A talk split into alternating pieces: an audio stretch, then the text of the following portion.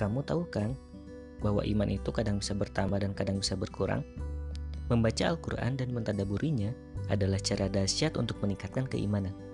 Yuk belajar bareng bersama saya Yusuf Wijaya di podcast Bakteri Jahat.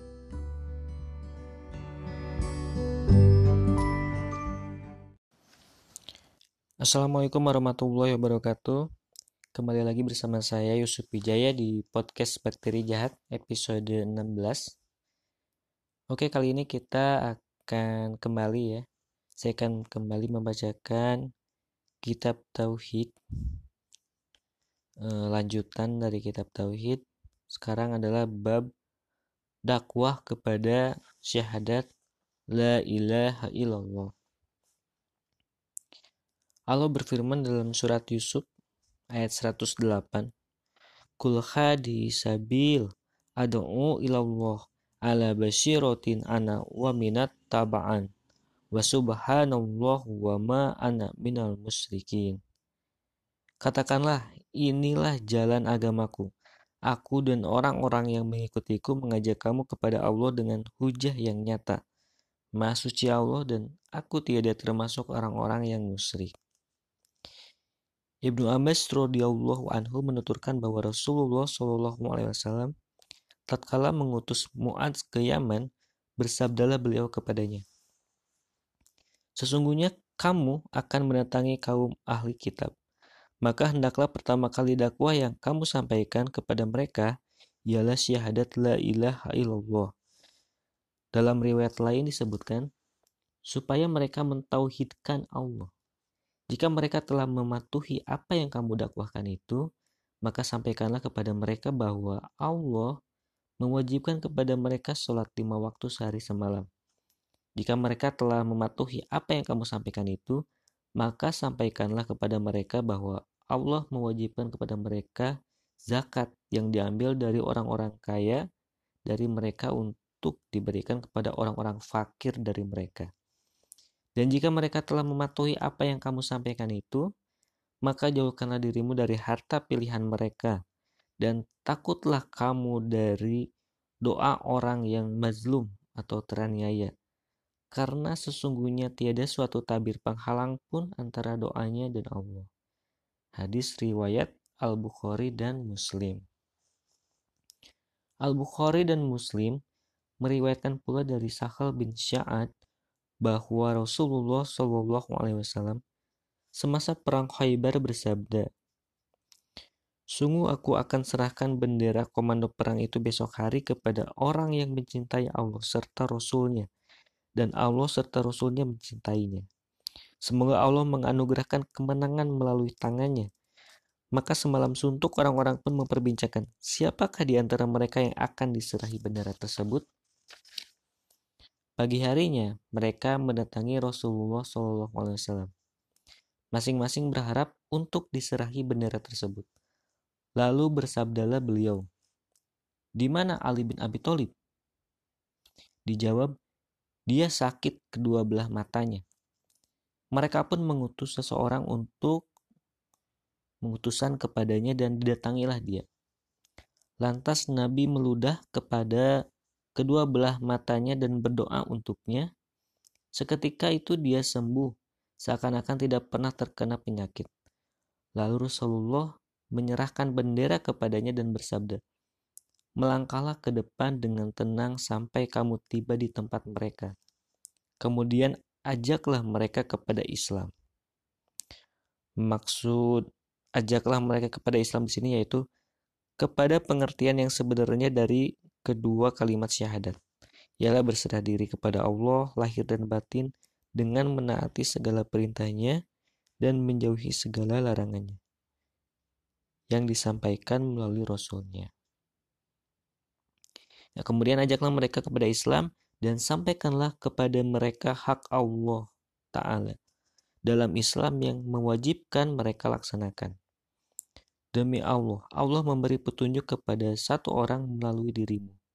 Hal itu benar-benar lebih baik, lebih berharga bagimu daripada unta-unta merah. Jadi unta-unta merah adalah harta kekayaan yang sangat berharga dan menjadi kebanggaan orang Arab pada masa itu. Jadi kandungan dari bab ini poinnya adalah yang pertama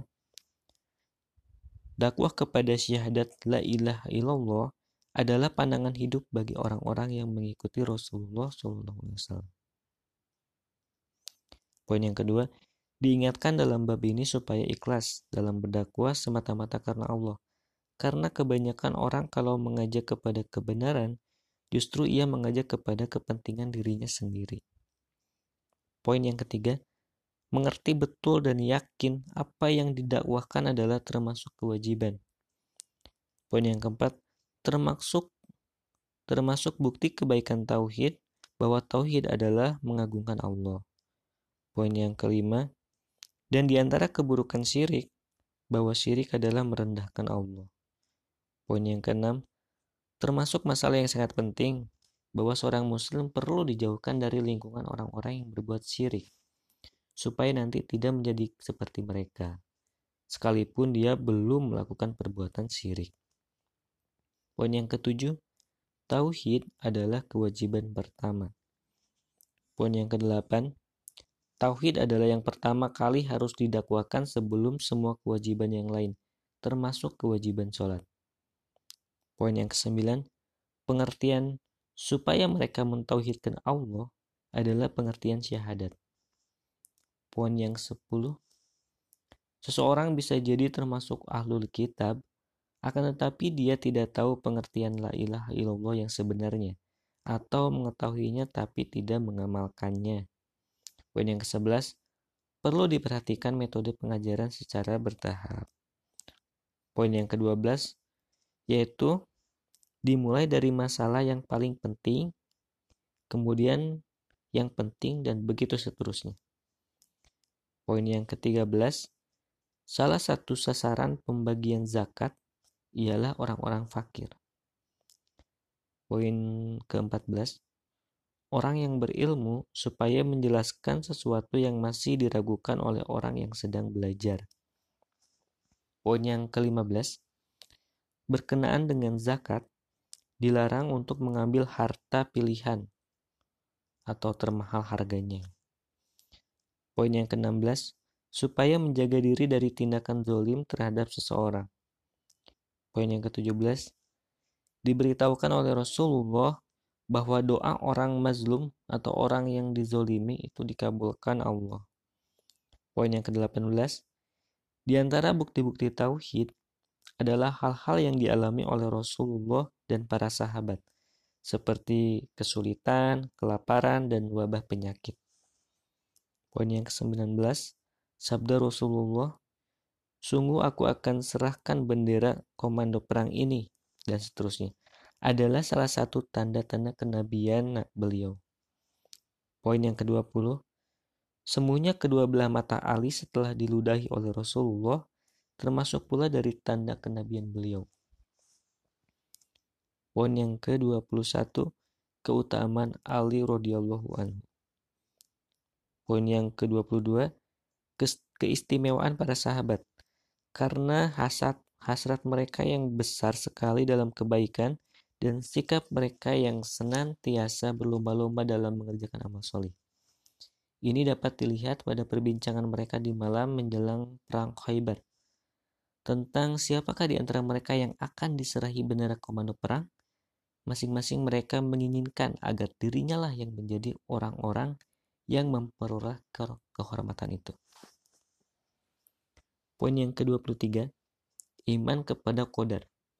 Karena bendera komando tersebut tidak diserahkan kepada orang yang sudah berusaha, malah diserahkan kepada orang yang tidak berusaha untuk memperolehnya, yaitu Ali. Poin yang ke-24, etika di dalam jihad. Sebagaimana terkandung dalam sabda Rasulullah, melangkahlah ke depan dengan tenang. Poin yang ke-25, disyariatkan untuk berdakwah atau mengajak kepada Islam sebelum perang. Poin yang ke-26, syariat ini berlaku pula terhadap mereka yang sudah pernah didakwahi dan diperangi sebelumnya. Poin yang ke-27, dakwah dengan cara yang bijaksana sebagaimana diisyaratkan dalam sabda beliau, Dan sampaikanlah kepada mereka hak Allah Ta'ala dalam Islam yang wajib mereka laksanakan. Poin yang ke-28 mengetahui hak Allah dalam Islam. Jadi hak Allah dalam Islam yang wajib dilaksanakan ialah seperti sholat, zakat, puasa, haji, dan kewajiban yang lainnya. Poin yang ke-29, kemuliaan dakwah dan pahala bagi seorang dai yang bisa memasukkan satu orang saja ke dalam Islam. Poin yang ke-30, boleh bersumpah di dalam menyampaikan petunjuk.